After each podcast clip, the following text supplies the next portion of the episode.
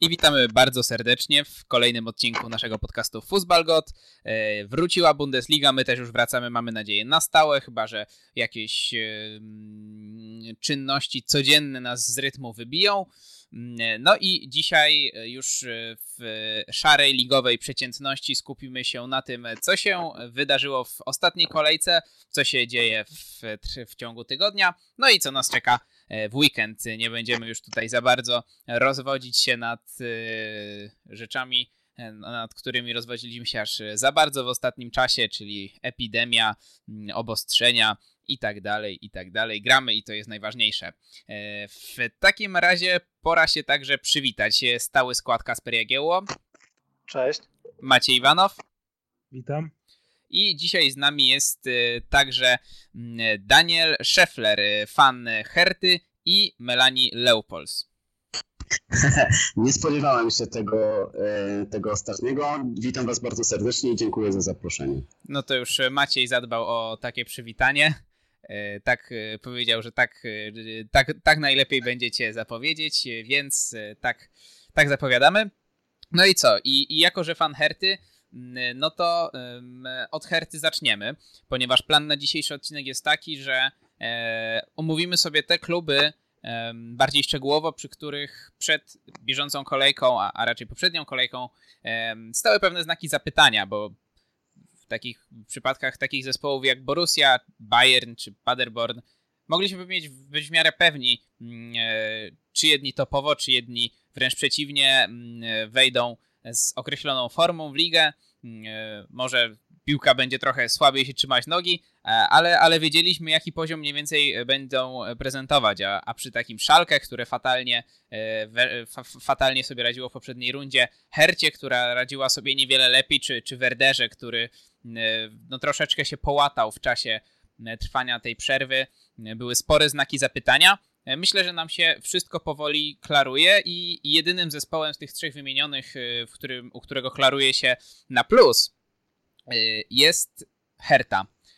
Herta, która w tym czasie zmieniła trenera, która odsunęła od drużyny Salomona Kalu, która odkurzyła Ibiszewicza, mm, no i która zdaje się z Bruno Labadią u sterów no może realizować plany, które sobie zakładała przed sezonem. Powolutku, po powolutku, ale, ale bardzo dobrym prognostykiem wydawał się ten pierwszy mecz.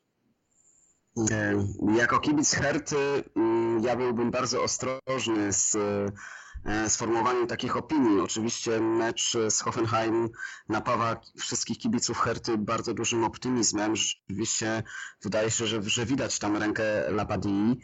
E, natomiast, e, jak powiedziałeś na, na wstępie, e, Herta jest znakiem zapytania i myślę, że będzie tym znakiem zapytania do samego końca rozgrywek.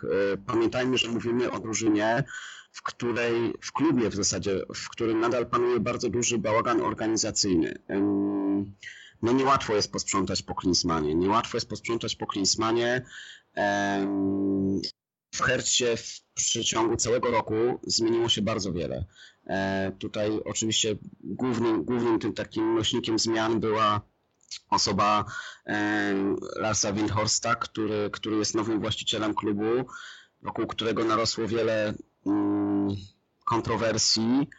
E, no i niestety, ni niestety tutaj troszeczkę myślę, że Herta płaci frycowe i sam Windhorst płaci, płaci frycowe wynikające z faktu, do którego on sam się przyznaje, że on nie jest kibicem piłkarskim. I na samym początku swojej przygody z klubem, no mam wrażenie, zresztą nie tylko ja, że otoczył się mm, ignorantami, może to zbyt duże słowo, natomiast, natomiast zaufał ludziom, którzy nie do końca spełnili pokładane w nich nadzieje. No, e, sam Klinsmann już jest, już od dawna był odbierany jako, jako szarlatan i e, pomimo pewnych sukcesów z reprezentacją e, pozostawił po sobie przysłowiową stałnie, sta, stajnię Augiasza, którą stara się posprzątać trener Labadia. Z jakim skutkiem? Czas pokaże. Tutaj trzeba też podkreślić jedną rzecz, że pomimo, pomimo tego, że doceniam dorobek trenera Rabadi, to jednak warto no tutaj zauważyć, że on jest postrzegany jako strażak, jako trener, który mm, taki do zadań specjalnych. I ja jestem przekonany, że Herta utrzyma się w lidze, że Herta z tym potencjałem kadrowym, z, z takim składem, z takim zapleczem finansowym z ligi nie spadnie. Natomiast e, nie wiem, czy, e, czy tutaj takie zachłyśnięcie się tym, tym nagłym przypływem gotówki nie spowoduje, że w e, następnym sezonie zobaczymy zupełnie inną Hertę pod, pod wodzą zupełnie innego, innego trenera. A jak ty jako, jako fan Herty rozpatrujesz właśnie Bruno Labadie? Bo z jednej strony powiedziałeś, że jest to, jest to strażak, że być może w przyszłym sezonie zobaczymy Hertę pod wodzą innego trenera, no ale z drugiej strony Bruno Labadia mimo wszystko dostał umowę na 2,5 roku. Mm, no i jeśli nie będzie, e, jeśli Herta nie będzie w złej formie, e, nie będzie robić wyników poniżej swoich możliwości, będzie progresować, a mimo wszystko przy Bruno Labadii, jak pokazał w Wolfsburgu, jeśli troszeczkę mm, zostawi mu się tej przestrzeni i będzie mógł e, troszeczkę odcisnąć swoje piętno na klubie, no to mimo wszystko coś jest w stanie wypracować. E, więc jak ty go postrzegasz? Czy ty nie uważasz, że to może być dla Herty przynajmniej na ten okres, pierwszy okres rozwoju, kiedy mimo wszystko z klubu mm, gdzieś tam przeciętnego, może nawet troszeczkę niżej niż przeciętnego mm, w Bundeslidze, aspiruje do, do topu? Czy to. No. Ja jestem zdecydowanie zwolennikiem takiej tezy, która się pojawia wśród kibiców Herty, że temu klubowi na tym etapie rozwoju e, potrzeba przede wszystkim spokoju w podejmowaniu decyzji kadrowych. I uważam, że nawet jeżeli zdarzy, wydarzyłoby się, zdarzyłoby się tak, że Herta z, z Bundesligi spadnie, to uważam, że Labadia powinien zostać na stanowisku trenera, dlatego że tak naprawdę mm, mówimy o klubie, który, który w, ostatnim, w ostatnim roku przyszedł tak wiele zmian, e, zarówno w pionie e, szkoleniowym, kadrowym, jak i, jak i tym właścicielskim, że tutaj potrzeba przede wszystkim spokoju. Już mówi się, że, że, w, przyszłym że w przyszłym sezonie właściciel, właściciel klubu zamierza, zamierza poświęcić, przeznaczyć na, na wzmocnienia dwukrotnie wyższą kwotę niż, niż poprzednio, czyli około 150-160 milionów euro. I ja się trochę obawiam, że mm, mamy tutaj do czynienia z taką trochę gorącą głową. I osobiście, oso, osobiście wydaje mi się, że e, każda kolejna zmiana w tak krótkim okresie czasu może temu klubowi tylko zaszkodzić. E, potrzeba tutaj stabilizacji, e, potrzeba pewnej świeżej krwi, wzmocnień na, na pewnych pozycjach. Natomiast no, szczerze mówiąc, y, dla mnie, dla mnie osoba pana Windhorsta, pomijając, pomijając y, te wszystkie artykuły prasowe i te analizy, które, które dotyczą jego, jego działalności biznesowej, dla mnie on jest absolutnie anonimową postacią, jeżeli chodzi o, um, o sport, o to, jak on widzi Hertę, E, oczywiście on wypowiadał się kilkakrotnie w, w przeróżnych artykułach zaraz po, po, po, mm, jakby po tym, jak zostało ogłoszone oficjalnie, że, że będzie nowym właścicielem Herty. E, natomiast ja nadal nie wiem. Ja nadal nie wiem, jaka jest, jaka jest, jaki jest jego pomysł na Hertę, jaki jest jego pomysł długofalowy. Czy, czy, czy tutaj niestety będziemy musieli mierzyć się z, z takim trochę niemieckim Józefem Wojciechowskim, e, który reaguje, e, reaguje impulsywnie i emocjonalnie, czy bardziej będzie to droga. Um, ja wiem, że to jest takie, taka trochę dziwna analogia, ale y, może będzie to droga bardziej Lecha Poznań, czyli klubu z, z miasta, z którego się wywodzę, czyli właścicieli, którzy ku pewnej rozpaczy kibiców y, preferują jednak pracę organiczną, powolny, y, powolny rozwój. No bardziej, bardziej wydaje mi się, że, że, że w przypadku Hercy lepsza, lepsze byłoby to drugie rozwiązanie, ale na dzień dzisiejszy nie sposób, nie sposób do końca przewidzieć, jak to będzie wyglądało. Ja mam nadzieję, ja mam nadzieję, że niezależnie od tego, jak sezon zakończy się dla Herty, nie będzie tutaj gwałtownych ruchów. Nie będzie gwałtownych ruchów w klubie. Może poza, poza pewnym przewietrzeniem karty, kadry, które, no, z którym zawsze w takich sytuacjach mamy do czynienia. E, no, pożegnanie kilku piłkarzy na wysokich kontraktach i takich, którym no, już się trochę mniej chce niż innym. Czyli takich jak właśnie wspomniany, wspomniany już tutaj przez Ciebie Salomon Kalu. No właśnie wspomniałeś o mm, impulsywnych ruchach. E, chciałem Cię zapytać w kontekście ruchów transferowych, szczególnie o takich dwóch zawodników, którzy no, mogą być uznani za, za troszeczkę pochopnie ściągniętych, no bo w sumie kosztowali 50 milionów, to jeszcze do niedawna dla, dla, dla kibica Herty, ale też wydaje mi się, że generalnie z drobnymi wyłączeniami dla kibiców Bundesligi dosyć abstrakcyjne kwoty, mm, szczególnie wydane na dwóch, na tylko dwóch graczy. E, no i mowa tutaj oczywiście o Tusarcie, którego jeszcze oczywiście mm, nikt z nas nie miał okazji w Bundeslidze oglądać, on, on się pojawi dopiero latem, i Krzysztofie Piątku.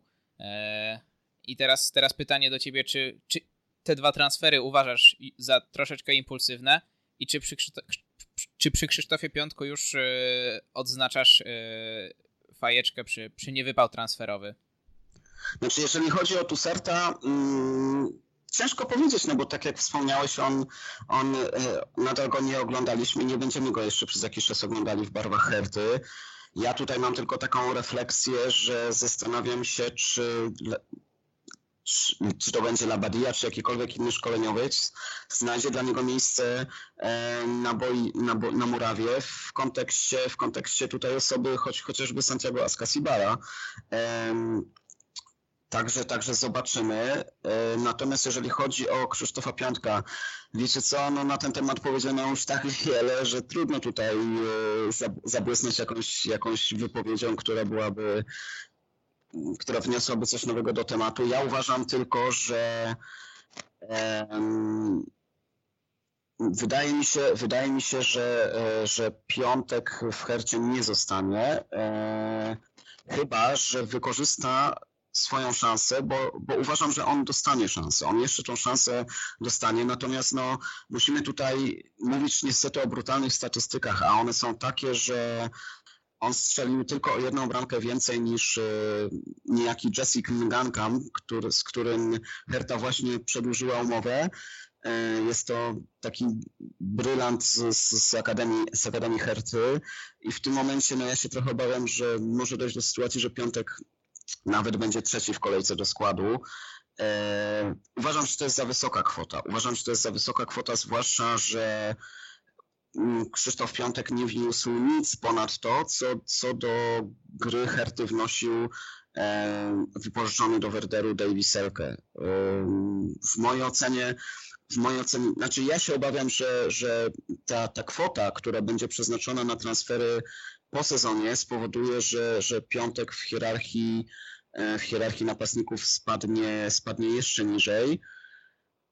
No niestety, niestety mm, niezależnie od, abstrahując już od tego, co, jak jest, jaka jest moja opinia na, na temat klasy samego, samego Krzysztofa Piątka, e, przyszedł do Herty w złym momencie, w złym momencie dla siebie, w momencie obniżki formy. Ja rozumiem, ja absolutnie rozumiem jego motywację, bo też, też wielu kibiców krytykuje, krytykuje Krzysztofa Piątka i krytykuje jego decyzję o przejściu do Herty.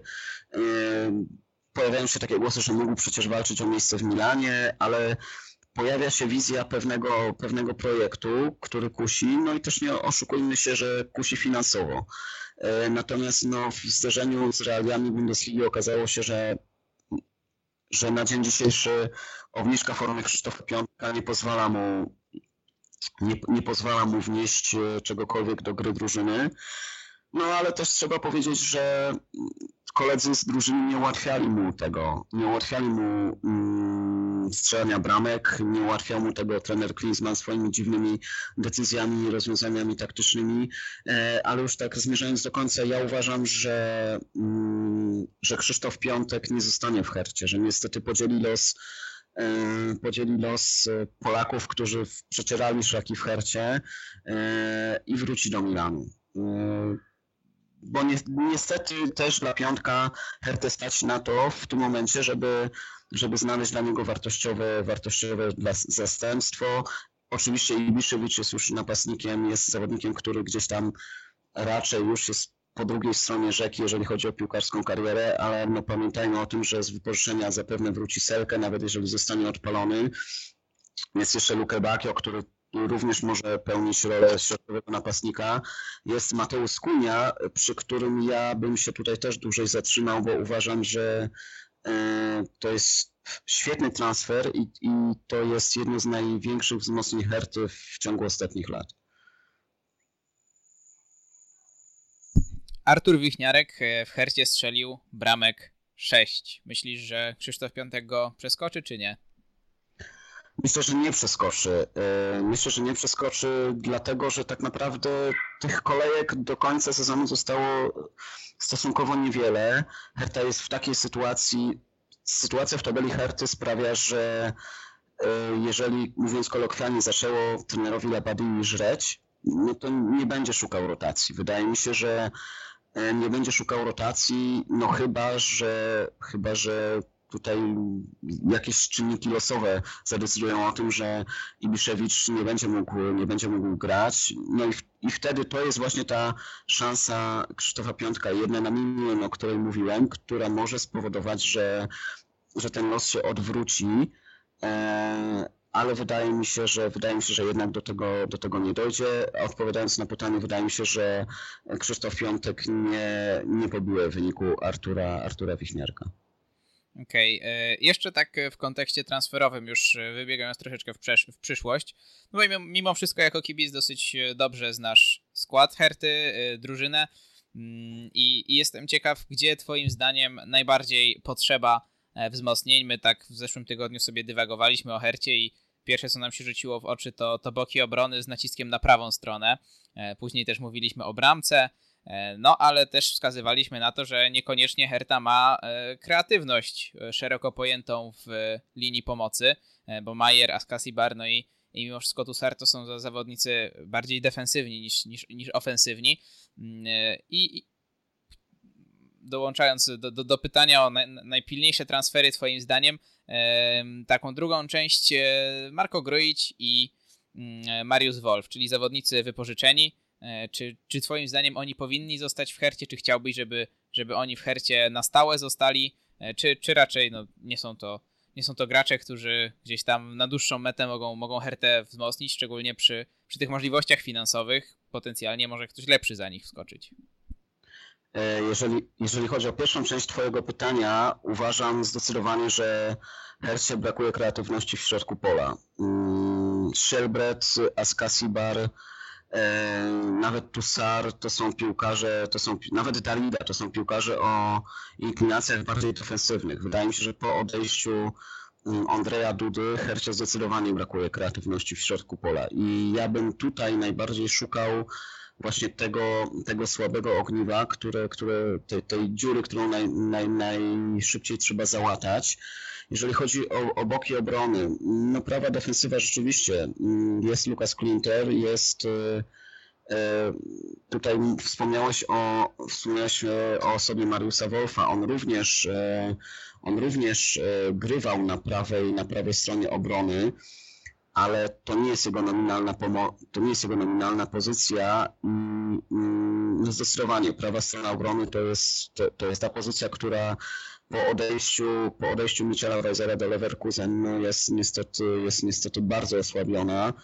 Także to są chyba dwie najbardziej, najbardziej mm, to są, to są dwa takie najbardziej elementy w, w składzie Herty, które wymagają wzmocnienia.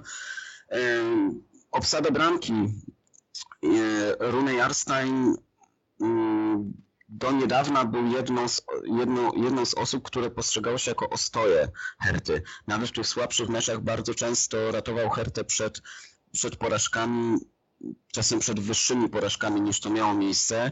Niemniej jednak no, w tym sezonie, w tym sezonie jego postawa, jego postawa, postawa pozostawia trochę do życzenia. Myślę, że zresztą powoli pojawiają się takie głosy, że z Rune Jarsteinem Herta będzie się żegnać. Jeżeli chodzi o osobę Krafta, to jest chyba niespełniony talent i on nigdy nie przeskoczy i nie doskoczy do, do, do tego poziomu, jaki, jaki jest wymagany w, w Bundeslidze, więc myślę, że na pewno tutaj dojdzie do wzmocnień na tej pozycji. Natomiast, e, natomiast e, tutaj przypomina mi się historia z, z, domniemany, z, domnieman, z domniemanymi podchodami pod Rafała Gikiewicza. Wydaje mi się, że trochę szkoda, dlatego że, dlatego, że to byłby, to byłby chyba dobry ruch zarówno dla Herty, jak i dla samego Rafała. No ale już wiadomo, że sam zawodnik zaprzeczył, że, że może dojść do, do, do, takiej, do, do takiej transakcji. E, jeżeli chodzi o piłkarzy wypożyczonych, Gruicz nie mam przekonania. Nie mam przekonania z, dlatego, że Hercie udało się przedłużyć wy, wy, wypożyczenie Marko Gruicza, natomiast e, obawiam się, że tutaj transfer E, transfer definitywny kosztowałby, kosztowałby dużo pieniędzy. Oczywiście cały czas wracamy do osoby Larsa Windhorsta i tego, że Hertha ma w zasadzie nieograniczone środki na transfery, ale uważam, że w tym klubie jest za dużo piłkarzy o inklinacjach defensywnych, a Gruicz jest również takim piłkarzem. Wydaje mi się, że zarówno jeżeli chodzi o Mariusa Wolfa, jak i o Mario Gruicza, Mm, Herta nie powinna tych, tych wypożyczeń przedłużać. Oczywiście troszeczkę inaczej by to wyglądało, gdyby, gdyby nie inwestycja pana Windhorsta i, i gdyby tutaj Herta funkcjonowała cały czas jakby w poprzednich realiach finansowych, ale w obecnej sytuacji uważam, że e, tej drużynie potrzeba kreatywności, potrzeba, potrzeba fantazji w, w ataku, tym bardziej, że sam ten Labadia Mm, zapowiadał od razu po tym, jak e, przejął Hertę, że on, on chce pr promować grę ofensywną. On chce, gra, żeby Her jego Herta grała ofensywnie i pomimo tego, że no nie brakuje takich piłkarzy w Hercie, to ten środek pola niestety widać, że, że bardzo cierpi pod tym względem. Okej, okay, no to myślę, że dosyć, dosyć szczegółowo nam tutaj opowiedziałeś o sytuacji w Hercie i o tym, jak e, to się maluje e, w przyszłości, więc myślę, że nie będziemy cię tu e, dłużej, dłużej trzymać. Więc może takie pytanko na koniec. Wiemy, że Herta ma aspiracje pucharowe. Myślisz, że może inaczej, czy uważasz, że, że te aspiracje się spełnią? Jeśli tak, to kiedy? Dosyć takie abstrakcyjne pytanie, ale może jakieś szacun szac szacunki się pojawią. Słuchajcie, no pytacie kibica, tak? Y, więc zawsze będę mówił, że wierzę w to, że wrócą te czasy, kiedy, kiedy Herta mierzyła się z Milanem jak równy z równym. I, i no, jakby tutaj, jakby tutaj walczyła w Lidze Mistrzów, y, prezentując się bardzo korzystnie. Natomiast spokojnie, ja pamiętam ostatni powrót Herty do europejskich pucharów i skończyło się to kompromitacją. E, uważam, że jest to możliwe, ale nie w perspektywie bliższej niż trzy, trzy sezony. E, poczekajmy, na razie skupiamy się na, na derbach, e, które są tutaj wielkim wydarzeniem dla wszystkich kibiców i no zobaczymy, zobaczymy co, co czas przyniesie. Niestety obecnie, obecnie jakiekolwiek prognozy i prognozy, prognozy dotyczące Herty są przysłowiowym wróżeniem z fusów, bo nie sposób tutaj przewidzieć, jakie będą dalsze decyzje zarówno Larsa Windhorsta, jak i, jak i sztabu szkoleniowego. Ja wierzę, póki co wierzę w utrzymanie, jestem pewien, że Herta się utrzyma, e, natomiast co będzie dalej, e, no ja wróżę świetlaną przyszłość temu projektowi, ale zobaczymy. Okej, okay. E, no to w takim razie Ci bardzo dziękujemy. Mm, temat Herty najpełniej dzisiaj omówiony. E, Daniel e, Scheffler był naszym i, i, i Państwa, wszystkich słuchaczy gościem. E, mam nadzieję, bardzo, że do usłyszenia. Dziękuję. za zaproszenie. Było mi bardzo miło. Cześć, trzymajcie się i pozdrawiam. No, a my w takim razie przechodzimy sobie dalej, tak jak wspominałem na początku, do klubów, które, przy których był taki no, większy niż przy innych znak zapytania co do tego, jak wejdą z powrotem w ten sezon. E, I może zacznijmy od e, Werderu Brema, żeby to szalkę, o którym no, my z Kasperem zapewne będziemy mieli sporo do powiedzenia.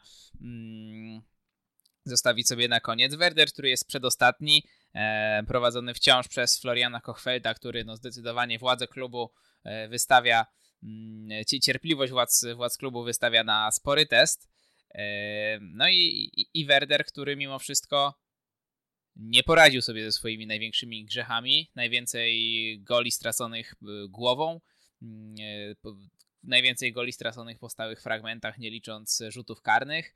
E, no i Werder, który w bardzo, bardzo słabym stylu przegrywa z Bayerem Leverkusen 1 do 4. Umówmy się, ta, ta jedna bramka, która wpadła dla Werderu, no to jest czysty przypadek. Rzut rożny Gebre akurat dobrze dołożył nogę, czy tam głowę, już nie pamiętam dokładnie. E, no ale w, Her w, grze Her e, Werderu nie, nie, nie drgnęło nic.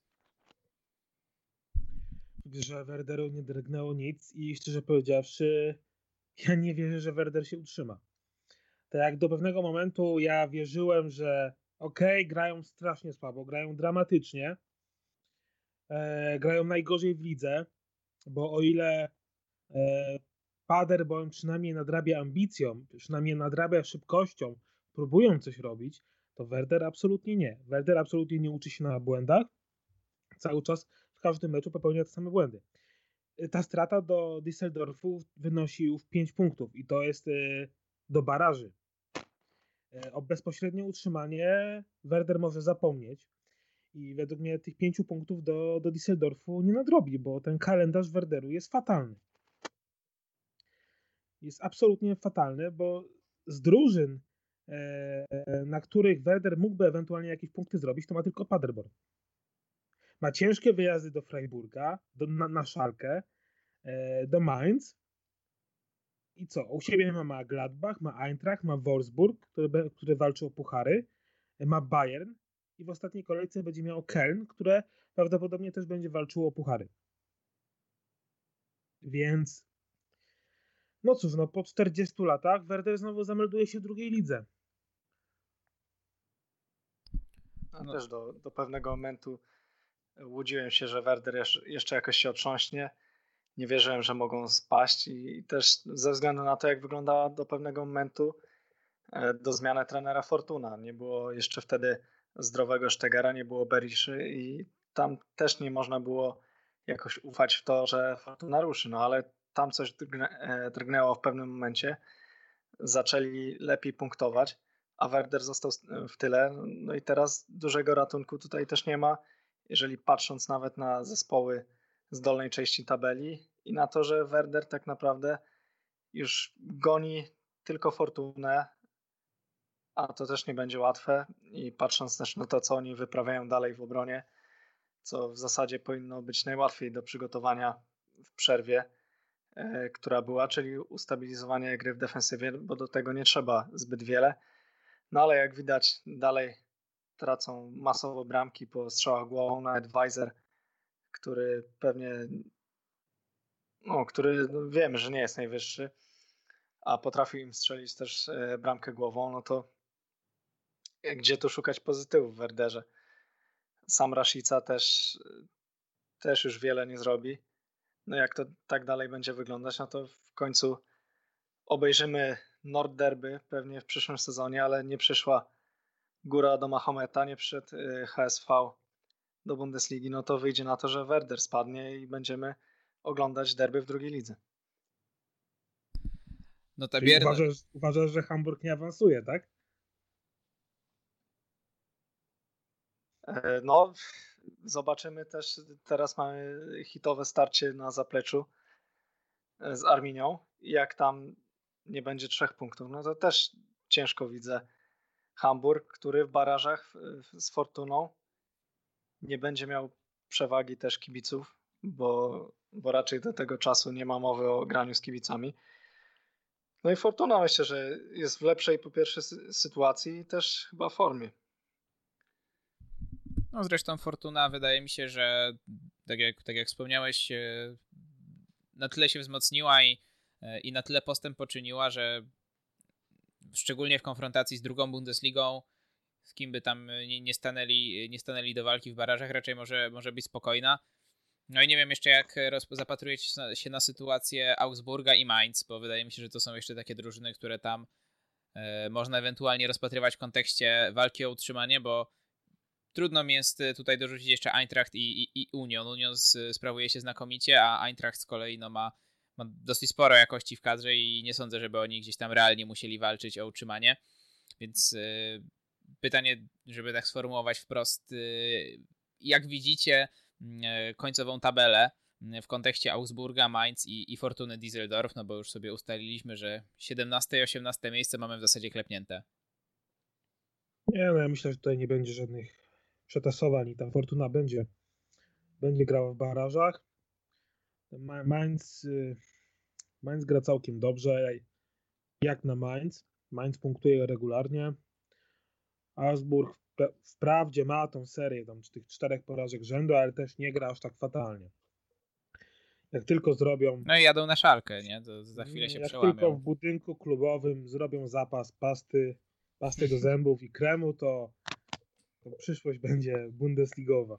Tutaj e, oczywiście nawiązanie do Heiko Herlisia, trenera, który wyskoczył sobie, po, który ostatnio z kolei powiedział, że był podwójnie głupi. Po pierwsze głupi, że wyskoczył po tą pastę do zębów i, i kremik z kwarantanny, a, a po drugie głupi, że się tym pochwalił na konferencji. No nie sposób się nie zgodzić. Harliś, Herliś już będzie dostępny w najbliższej kolejce dla namawca Augsburga, prawda? Mm, nie wiem. Znaczy on musiał przejść testy, ja nie wiem jak te... Mm. Znaczy no jakby testy były pozytywne, to by to się pojawiło w mediach, więc pewnie tak, pewnie no. tak. E, no więc zobaczymy, jak, jak to się będzie rozwijać. No dobrze, e, o czym to ja tu jeszcze chciałem e, w kontekście Werderu. A, no mianowicie o jeszcze o grze ofensywnej, bo wydaje się, że jakkolwiek słaby byłby ten Werder w defensywie i, i do tego już się przyzwyczailiśmy, tak momentami nadrabiał ofensywą, a, a tutaj w meczu z Bayerem Leverkusen no zupełnie nic się, nic się nie kleiło, wszystkie te akcje bardzo łatwo neutralizowane. No i mam wrażenie, że Zelkę i, i, i Rashica mieli olbrzymie problemy, szczególnie Rasz, po Rashicy było to widać, nie wiem czy wy też odnieśliście takie wrażenie, e, że makabrycznie mm, nie czuł piłki w tym meczu. Jak gdyby... Rashica ma teraz inne sprawy na głowie. Rashicy się urodziło dziecko. No to swoją drogą. Myślałem, że powiesz o transferze do Lipska, ale to też. No to swoją drogą. E, no.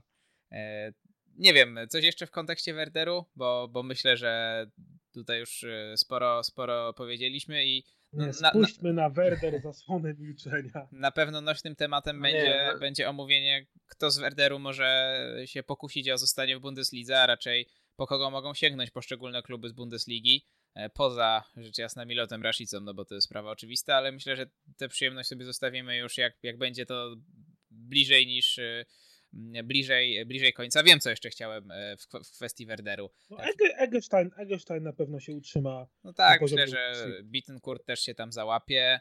Niewykluczone, że Fulkrung też sobie znajdzie miejsce, ale mówię o tym później. Ja chciałem was zapytać. No i Sarden, nie, Sarden tak samo. No to na pewno, tak.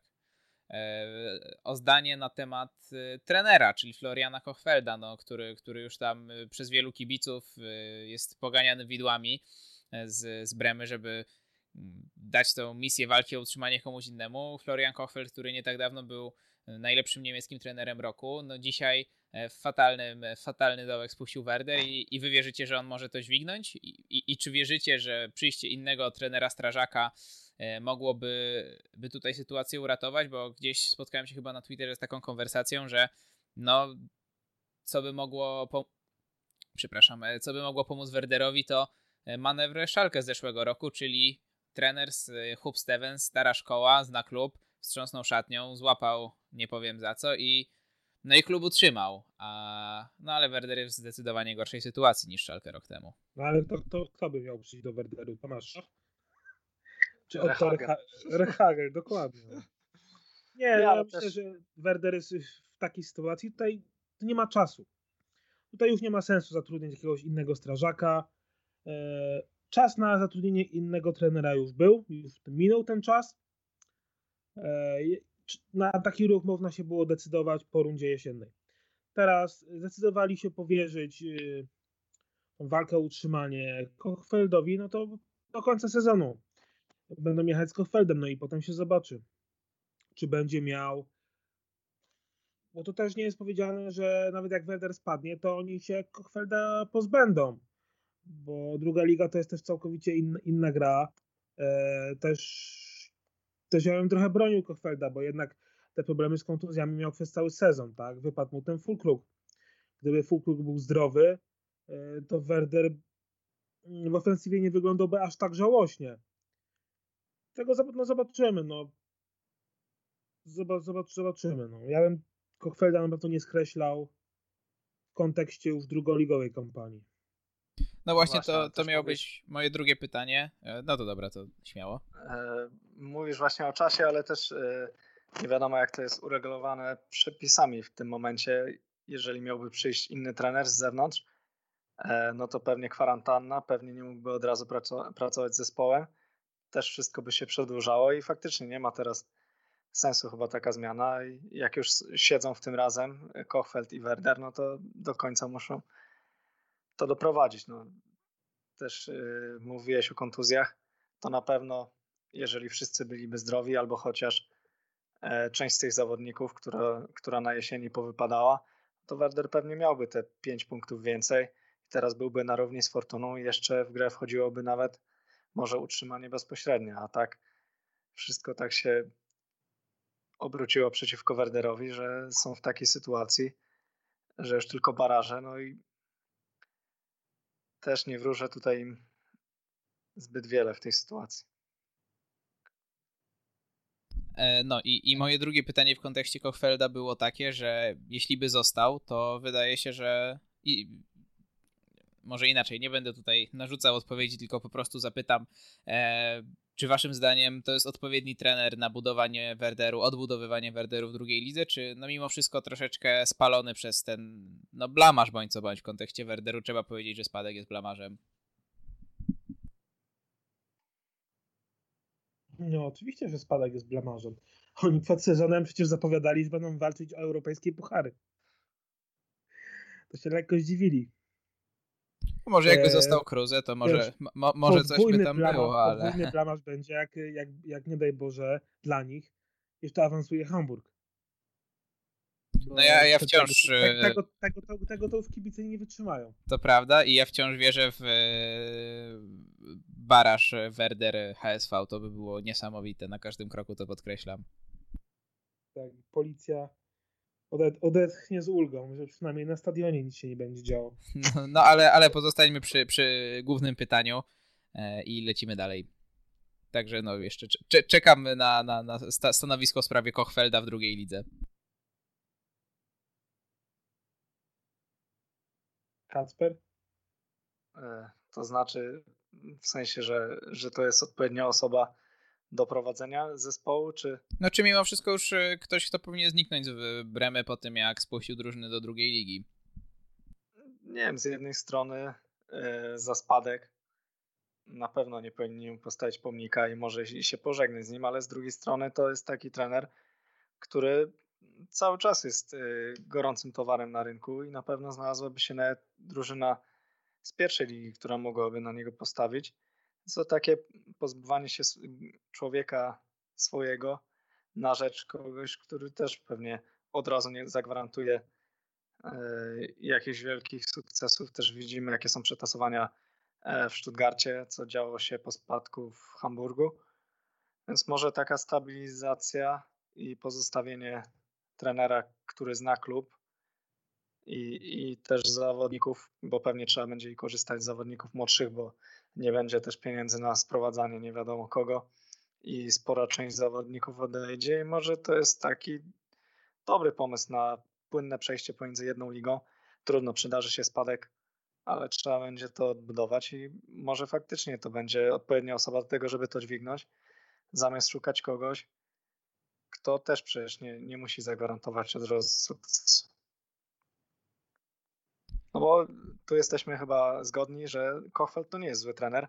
Tak, tak, zdecydowanie. Bo, bo też pokazywał e, wielokrotnie, że i Werder miał ciekawy styl i, i potrafili grać i skutecznie i czasem nawet e, mile dla oka, także tutaj dużo złego zadziało się pod względem kontuzji. Sporo też zawodników jest takich, którzy no, moim zdaniem nie pasują pod styl, jaki chce preferować Kochfeld. Tu może nie jest do końca wina też trenera, tylko zarządu, że w środku pola są ślimaki, że, że obrońcy nie potrafią bronić, a, a o grze w powietrzu to już nawet nie wspominam, że nie ma napastnika po tym, jak e, Fylkruk e, złapał kontuzję. No i to są takie bardziej kamyczki do ogródka może zarządu, a, a trener szył z tego, co miał, no i wyszło na to, że to było za mało, żeby utrzymać się w Bundeslidze. No i myślę, że to jest e, dobra puenta w kontekście Werderu i Kochfelda. No i przechodzimy dalej, czyli do, do kolejnego mm, zaplanowanego elementu. Mm, Szalkę w kontekście, w kontekście derbów, bo o tym wypada przynajmniej wspomnieć, że, że taki mecz się odbył. Wygrany przez Borussię rzecz jasna 4 do 0. Kompletna dominacja. Szalkę nie pokazało w tym meczu zupełnie nic. E, też wydaje się, że zupełnie nietrafione decyzje co do składu i ustawienia e, Dawida Wagnera, trenera Szalkę. No ale myślę, że, że, że omówienie tego meczu nam wyjdzie, e, wyjdzie przy okazji samego, samego zespołu, bo to była drużyna, która, której przed sezonem wszyscy wieścili środek, może drugą część tabeli. Mm, później na półmetku no, zajmowali z tego co pamiętam piąte miejsce, mając tyle samo punktów co Borussia Dortmund. Mm, no i znakomicie weszli w rundę. Pokonali Borussię Mönchengladbach wyżej notowaną w świetnym stylu, a później coś się zupełnie zepsuło. Mm, Szalkę przestało punktować, przestało wręcz wygrywać. Z tego co pamiętam, to już jest mowa o 9 meczach bez zwycięstwa. E, w ostatnich, w, tym bilans 2 do 19 w golach. E, fatalna postawa drużyny Dawida Wagnera.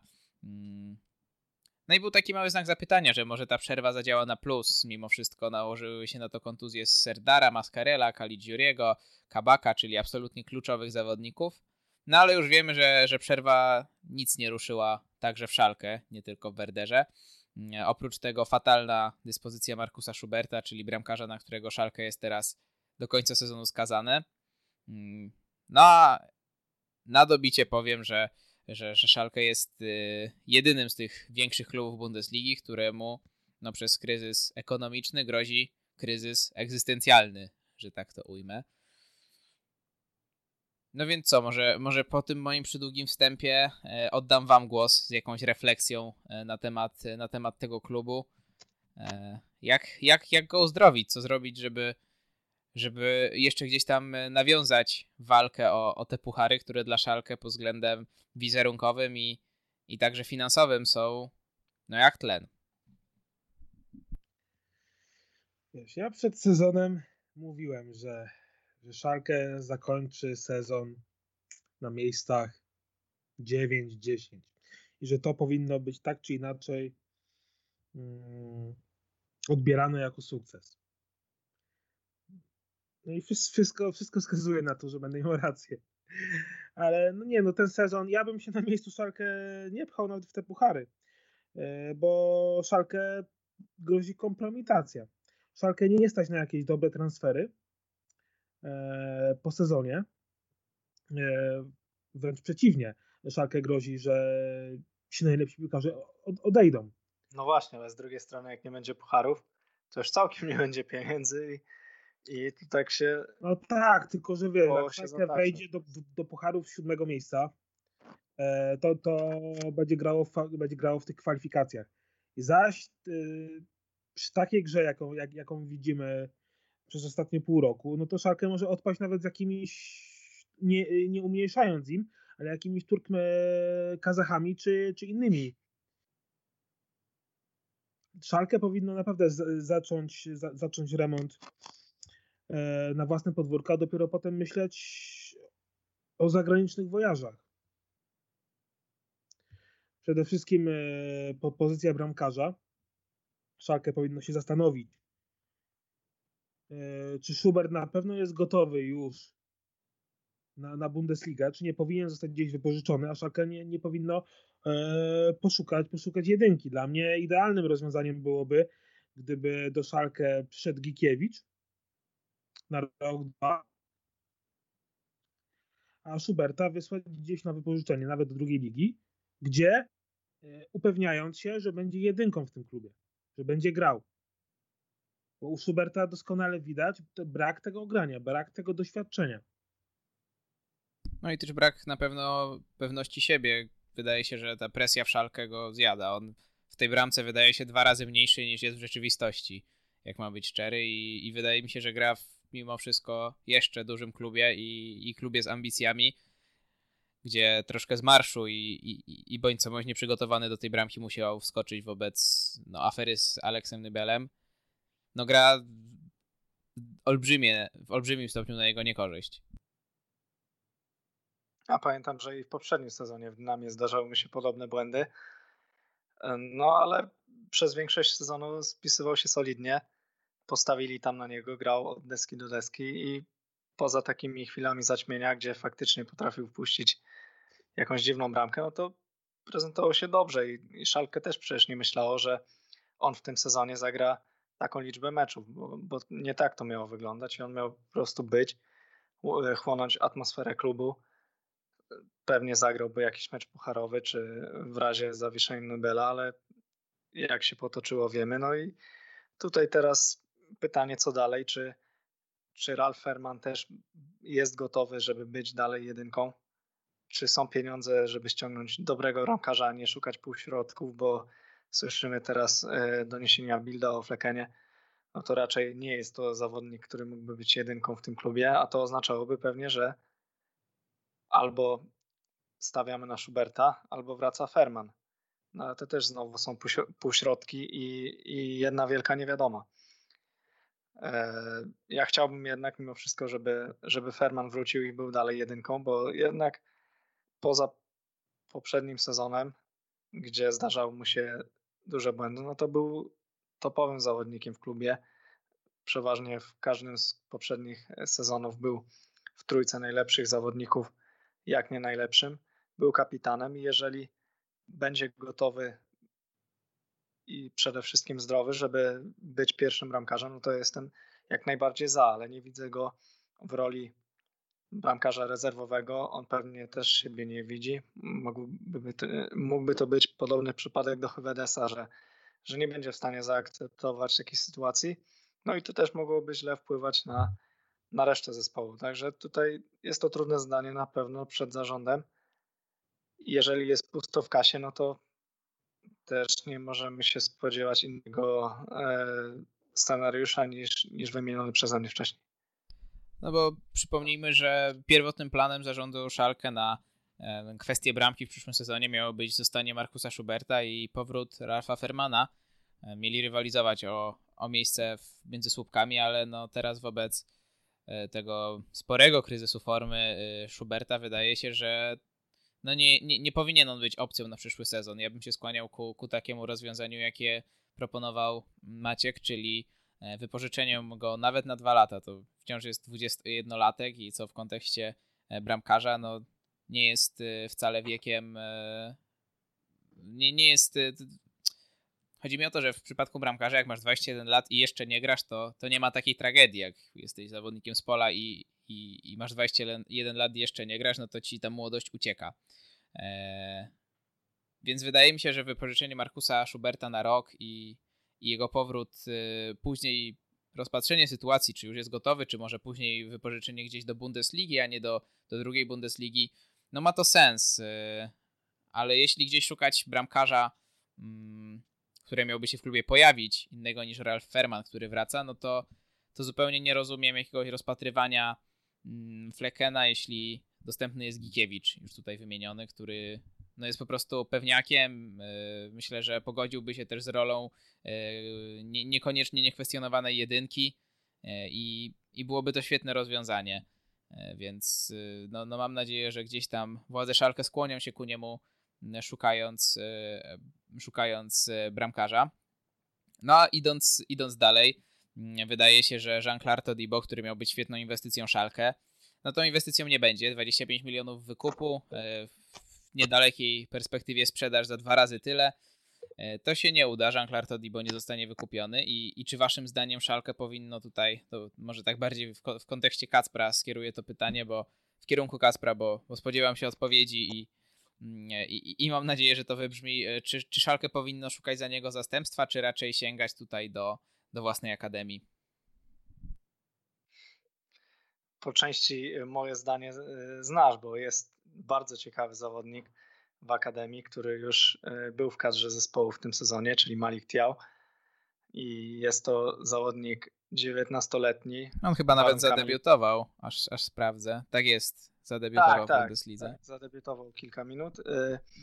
No jest to zawodnik, który bardzo przypomina Joela Matipa e, warunkami fizycznymi i też umiejętnościami po części też, chociaż jest zawodnikiem, który wydaje mi się e, jest może trochę pewniejszy z piłką przy nodze e, na tym etapie kariery, jakim był też Matip. No i cóż, może to nie jest jeszcze do twojego razu stawiać, bo przecież będą też e, tacy zawodnicy jak Sane czy Nastasic powinni zostać w klubie, no ale takim zawodnikiem do rotacji, który już powinien łapać minuty, na pewno jak najbardziej. I jaki klub w Bundeslidze i jeszcze zmuszony do tego sytuacją finansową ma stawiać na młodych zawodników jak nie Szalkę, skoro co roku z tej akademii, akademii wychodziły takie nazwiska, e, że śmiało można z nich czerpać. No i myślę też bez strachu, bo patrząc na to, jak nawet prezentował się w meczach swojej drużyny młodzieżowej, że jest tam kapitanem, że jest też najlepszym strzelcem tego zespołu, co też może nie najlepiej świadczy jego kolega z ofensywy. No ale on akurat no, ale... bije karne, więc tak, tak. Wyjaśnia. Karne, karne jest dobry przy, przy stałych fragmentach, bo jest bardzo wysoki, ale e, jeżeli faktycznie w kasie będzie pusto, na to Dibo 25 milionów to trzeba było pewnie zostawić stadion. Jest Kabak, który raczej się nigdzie na razie nie wybiera, bo klauzula też nie będzie jeszcze aktywna w tym okienku.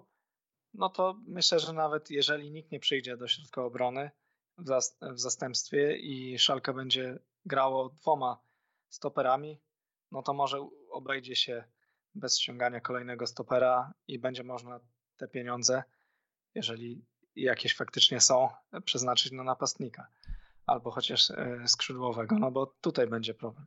No właśnie i do tego chciałem przejść, bo ja tutaj uważam, że Szalkę zupełnie nie potrzebuje mm, wzmocnień. Jeśli by się nawet tak zdarzyło, że Stamboli by, by kontrakt przedłużył, to już kompletnie nie ma co tutaj mówić o, o wzmacnianiu środka obrony.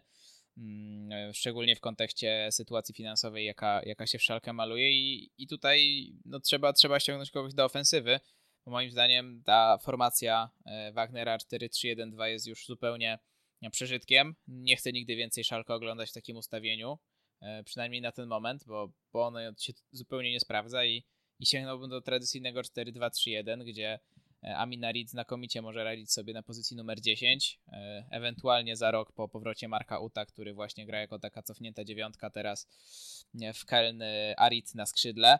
Oprócz tego jest utalentowany Matondo, który na, na prawym skrzydle ma naprawdę olbrzymi potencjał, a, a Wagner próbuje go wykorzystywać jako fałszywego napastnika, co się kompletnie nie sprawdza. Mm. No i myślę, że tutaj trzeba było szukać tych wzmocnień, ewentualnie jakiegoś solidnego skrzydłowego, no ale przede wszystkim napastnika, bo myślę, że Szalkę bez tego mm, nie, nie, ma, nie, nie ma co szukać yy, w ogóle jakiegokolwiek, yy, nie, nie ma co myśleć jakkolwiek o, o grze w europejskich pucharach, bo mimo wszystko Gregoricz i Burgstaller, no to jest ta sama klasa, bardzo niska klasa zawodnika na ten moment, a no można by było rzecz jasna postawić na Ahmeda Kotuczu, który pokazał, że faktycznie ma możliwości, no ale to chyba byłoby za proste. Myślę, że Dawid Wagner no tak, tutaj... To trzeba by było powiedzieć e, trenerowi, że jest taki zawodnik, może w klubie i no. coś by z tego było. No. Nie wiem dalej, co jest nie tak i z kim jest nie tak, ale myślę, że raczej nie z zawodnikiem, ale z trenerem. No, on zawsze mówił, że trzeba ostrożnie wprowadzać tak młodych zawodników, ale no to, to, dobrze, że tam nie zaglądał w metrykę Kabakowi i McKeniemu, którzy są kolejno w tym tego samego i rok star, tego samego rocznika i, i Weston jest rok starszy, bo no byłoby nieciekawie, jakby jeszcze ich nie, mógł, nie, nie można było wprowadzać, a co gorzej Rabiego Matondo, więc no zobaczymy, co, jak, to się, jak to się potoczy. I kończąc wątek szalkę, e, pytanie do Was ponownie od trenera, bo już e, fani klubu się awanturują wręcz na Twitterze, w mediach społecznościowych, żeby się tego Wagnera pozbyć.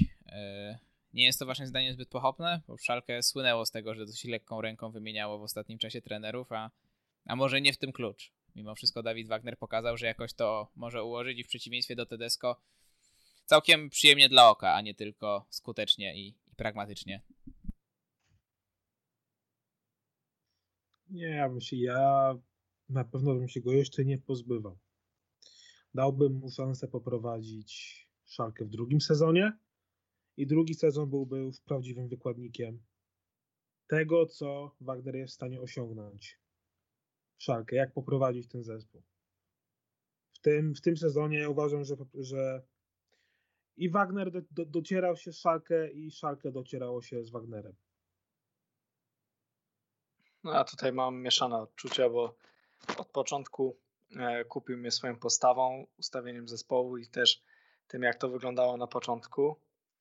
No ale jak to w szalkę zaczął z bardzo e, wysokiego pułapu i potem było tylko gorzej. W zasadzie poznaliśmy go teraz, e, gdy już nie idzie tak jak szło na początku, gdzie pojawił się kryzys. No i jak widać sobie z nim nie radzi. Wygląda na takiego, który swoimi wypowiedziami też jakoś nie przekonuje mnie, bo po każdym e, po każdej kolejnej porażce stara się na siłę szukać jakichś pozytywów zupełnie od czapy, które nie mają nic wspólnego e, z rzeczywistością, też jakieś e, wychwalanie rywali, niekoniecznie stojących na, na wysokim poziomie, z którymi szalkę powinno wygrywać.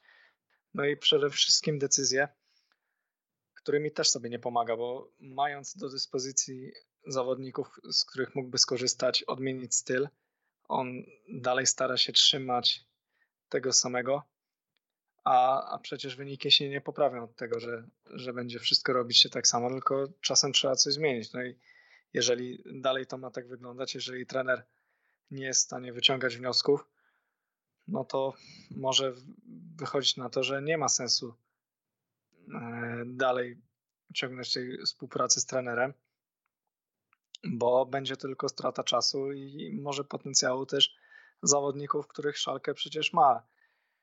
Może nie w ofensywie, ale jest kilku zawodników, z których można wycisnąć więcej, a, a tutaj widzimy tylko już ciągły spadek i, i zamiast być lepiej e, z biegiem czasu, czyli z wprowadzaniem kolejnych e, ulepszeń przez trenera, z biegiem czasu spędzonym w klubie, tak jak mogliśmy zakładać, powinno być lepiej, no tutaj jest gorzej. I też nie widzę e, jakichś perspektyw większych na poprawę w tym sezonie już. No a lato to już musi być czasem decyzji i budowaniem kadry na kolejny sezon i też musi być wiadomo, czy i jaki trener będzie prowadził zespół. No ja myślę, że on to dźwignie. Jed... A myślałem, że już koniec, sorry. Nie, śmiało, bo no, sam nie wiem. Też mam takie mieszane odczucia, bo z jednej strony świetna runda pierwsza, druga fatalna. No i jak, jakby z tego wyciągnąć średnią, no to wychodzi takie, nie wiem, niejakość taka, taka szalkę i trudno nawet jakoś go konkretnie ocenić. Takie 6 w skali Brighton Reitnera. E, ale co chciałem powiedzieć, to moim zdaniem on to dźwignie. Proszę mm. nie szkalować Brighton Reitnera. E, chciałem powiedzieć, że on to dźwignie moim zdaniem, skoro, skoro Lucien Favre, oczywiście z zachowaniem odpowiednich proporcji, e, trener dużo mniej charyzmatyczny, który mimo wszystko no, dużo dużo bardziej rozczarował w tej Borusi, bo, bo tam e, apetyty i, i możliwości były dużo większe niż Szalkę e, teraz e, po całkiem drobnych roszadach w składzie i, i transferze w zasadzie tylko jednego zawodnika, napastnika, którego jakże w Szalkę teraz brakuje. Potrafił ten zespół naprawdę sensownie poukładać i, i wrócić do walki o mistrzostwo. Tak wydaje mi się, że jeśli, jeśli w Szalkę troszeczkę sobie och, och, ochłodzą kibice i, i, i władze klubu głowy i, i nie będą oczekiwały od Wagnera robienia wyniku ponad stan, jakim była walka o Ligę Mistrzów w pierwszej części sezonu. Tak wydaje mi się, że, że on faktycznie może to dźwignąć i, i, i faktycznie Szalkę nawet nie jest na takiej straconej pozycji, bo w kadrze jest potencjał, potrzeba tego zawodnika i może troszeczkę będzie ten przyszły sezon taki ubogi, bym powiedział, bo, bo nie będzie to na pewno taka komfortowa kadra jak teraz ma chociażby Borussia Dortmund, do której się odnosiłem, gdzie na każdą pozycję poza napastnikiem na spokojnie można bez wielkiej straty jakości wprowadzić jakieś roszady. No, no w Szalkę tak, tak nie ma i, i w przyszłym sezonie też nie będzie.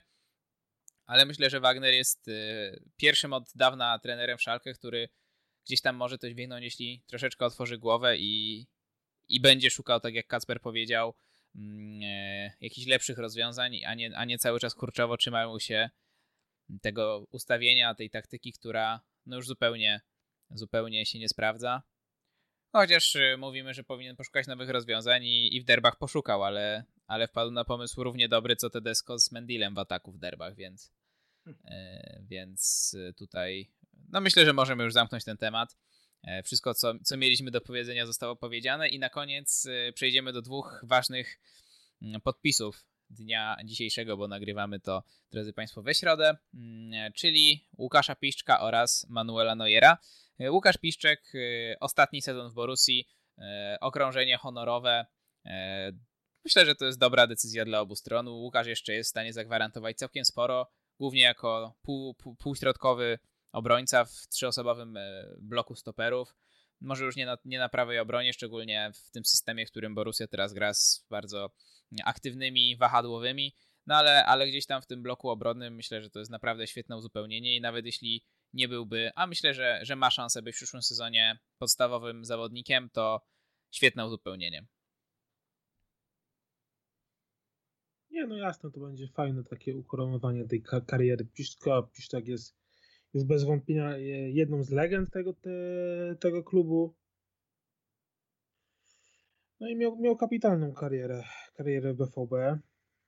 Formę trzyma, formę trzyma, co jest jednak lekkim zaskoczeniem, że, że tak dobrze się trzyma. No i ta decyzja broni się absolutnie sportowo. To nie jest jakaś to przedłużenie umowy, to nie jest, że o, przedłużamy tę umowę za zasługi. Absolutnie nie. Tutaj on się, on, się broni, broni, broni sportowo i to jest całkiem, całkiem logiczne. No i też świetna informacja dla nas, polskich kibiców, bo ostatnio nie mamy zbyt dużego dopływu świeżych zawodników do, do niemieckiej ligi. A taki zawodnik jeszcze rok swoją obecnością na pewno i przyciągnie zainteresowanie, tym bardziej, że teraz dwie niemieckie ligi są dwoma najlepszymi na świecie na ten moment. Więc tylko się cieszyć, że jeszcze kolejny rok będzie można oglądać Polaka w tak wielkim klubie i tak dobrego zawodnika po prostu. No i drugi zawodnik, nieco bardziej kontrowersyjna decyzja, a raczej może nie kontrowersyjna decyzja, bo tutaj co do kontrowersji to, to raczej mowy nie ma. Manuel Neuer jest znakomitym bramkarzem i, i udowadnia to wciąż na każdym kroku, mimo że już troszeczkę lat na karku ma.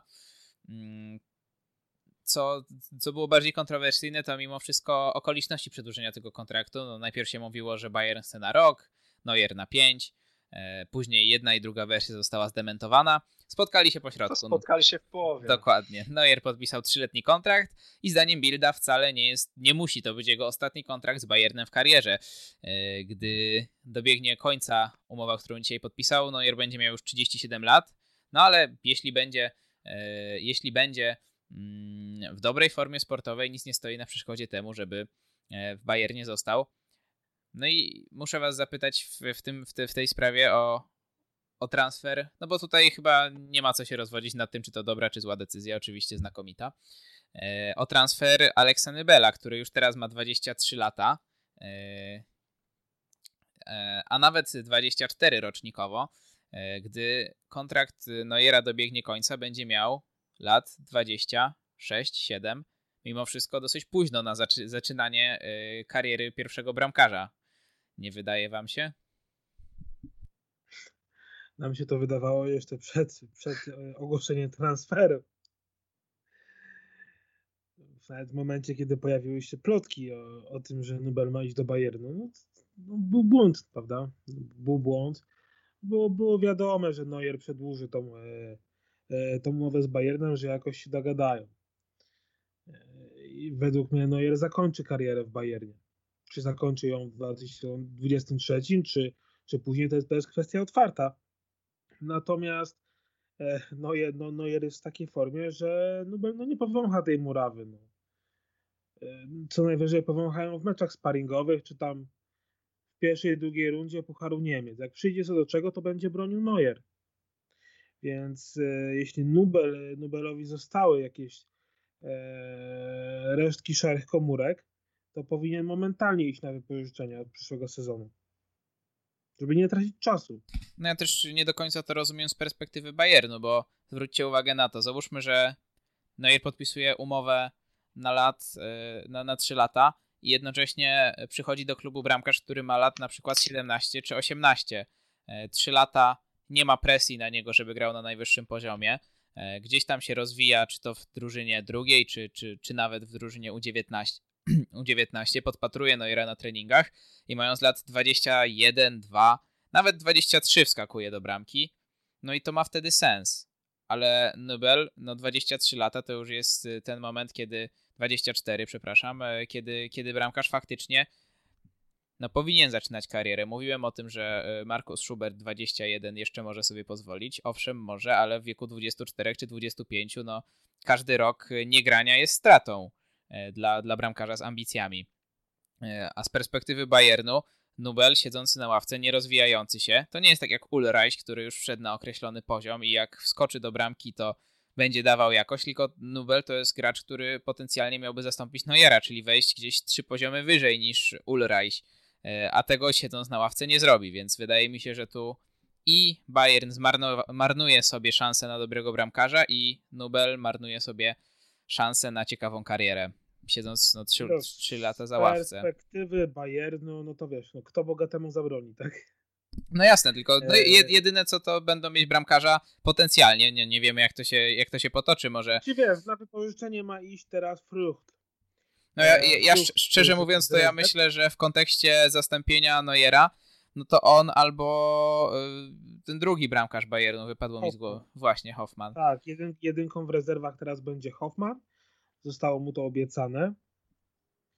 E, tak, ja nie ja wątpię, wątpię, żeby Nubel miał faktyczną przyszłość e, w Bayernie. No nie wiem, co by się musiało stać. No nie wiem, Neuer musiałby E, być kontuzjowany chyba. Chociaż no też nie wiadomo, co będzie z Ulreichem. No tam... E, Jeśli Ulreich będzie naciskał na transfer, to pojawiała się informacja, że Bayern nie będzie stał mu, no e, stał mu na drodze.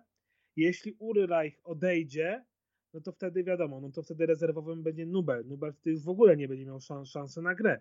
Bo wtedy z kolei Bayern nie puści Nubela na wypożyczenie. No więc właśnie, a ale mam. No nie, nie wiem, co tutaj można powiedzieć. Nielogiczny jest ta, ten ruch z Nubelem. Jeszcze w kontek- szczególnie w kontekście tego, że yy, Salih dziś mówi wprost, że oni Nubela nie zamierzają wypożyczać, bo takie wypowiedzi też padły. No ale nie wiem, może, może to były troszkę gra pod publiczkę, żeby zmotywować e, Neuera do przedłużenia kontraktu. Mm. Nie wiem, nie wiem. Ciężko, ciężko mi jest to powiedzieć, ale no najrealniejszy scenariusz mimo wszystko jest taki, że Nubel teraz siedzi 3 lata jako etatowy rezerwowy na ławie, a potem e, no Bayer sięga po młodszego bramkarza z większym potencjałem, a nie na zasiedzianego Nubela. W zasadzie nawet trudno mówić, że to z perspektywy Bayernu nielogiczny ruch, bo widząc y, młodego bramkarza grającego w Bundeslidze, dostępnego za darmo i będąc Bayernem nie skorzystać z takiej okazji, no to byłoby grzechem po prostu, a tej sytuacji mają e, świetną jedynkę, mają młodego bramkarza, którego po roku pewnie mogliby, mogą i tak sprzedać za dobre pieniądze, bo znajdą się pewnie chętni. Za rok Nybel jeszcze będzie tylko po, po roku siedzenia na ławce, a w innym przypadku dla niego nie widzę tutaj przyszłości. Zamiast nowym Neuerem będzie drugim Renzingiem. I tak się skończy jego kariera, że wyląduje później z, z, całym szacunkiem dla Fortuny gdzieś w tych okolicach i, i tam będzie kontynuował karierę zamiast być e, realną alternatywą dla Neuera albo jego następcą. I tym pozytywnym akcentem żegnamy się z Państwem e, i do usłyszenia za tydzień. Macie Iwanow? Dzięki, do usłyszenia. Kasper Jagiełło? Dzięki również. I ja Krzysztof Bardel, także się żegnam. Do usłyszenia.